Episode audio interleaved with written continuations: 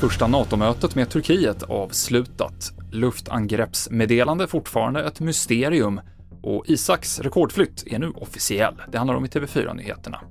Ja, Sverige, Finland och Turkiet har nu haft ett första möte sedan de skrev under överenskommelsen som ska göra att Turkiet godkänner NATO-ansökningarna.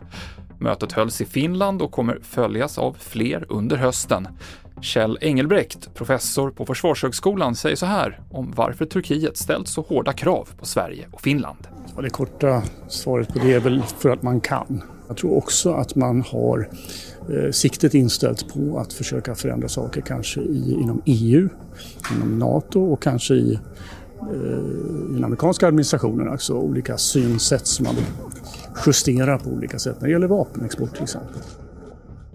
Två pojkar i tonåren blev påkörda efter ett bråk utanför en gymnasieskola i centrala Göteborg i tisdags. Idag så häktades två män i övre tonåren misstänkta för grov misshandel. Enligt GP så är de bröder och har kopplingar till ett kriminellt gäng. De nekar till brott.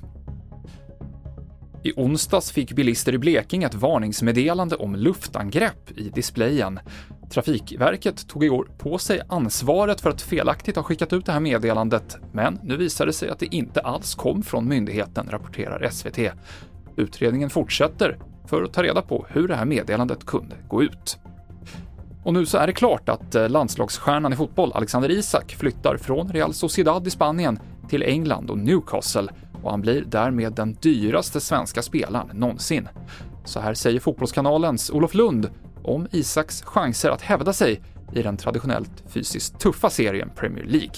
Nej, det är ju ett, eh, det är ett annat spel i, Premier League. Det ju, kan ju vara ett högre tempo kopplat då med en eh, tuffare fysik. Samtidigt så har ju de här olikheterna kanske lite jämnats ut. Det finns ju mycket tränare från andra länder i, i, i, i eh, Premier League. Men jag tror att han kommer passa bra i Newcastle som spelar nia och ibland liksom ligga på kontring. Eh, det kommer ju de kunna göra en del matcher. Så att eh, jag hoppas och tror att han kan ta det här klivet upp. Du hittar senaste nytt i vår app TV4 Nyheterna. I studion idag Mikael Klintevall.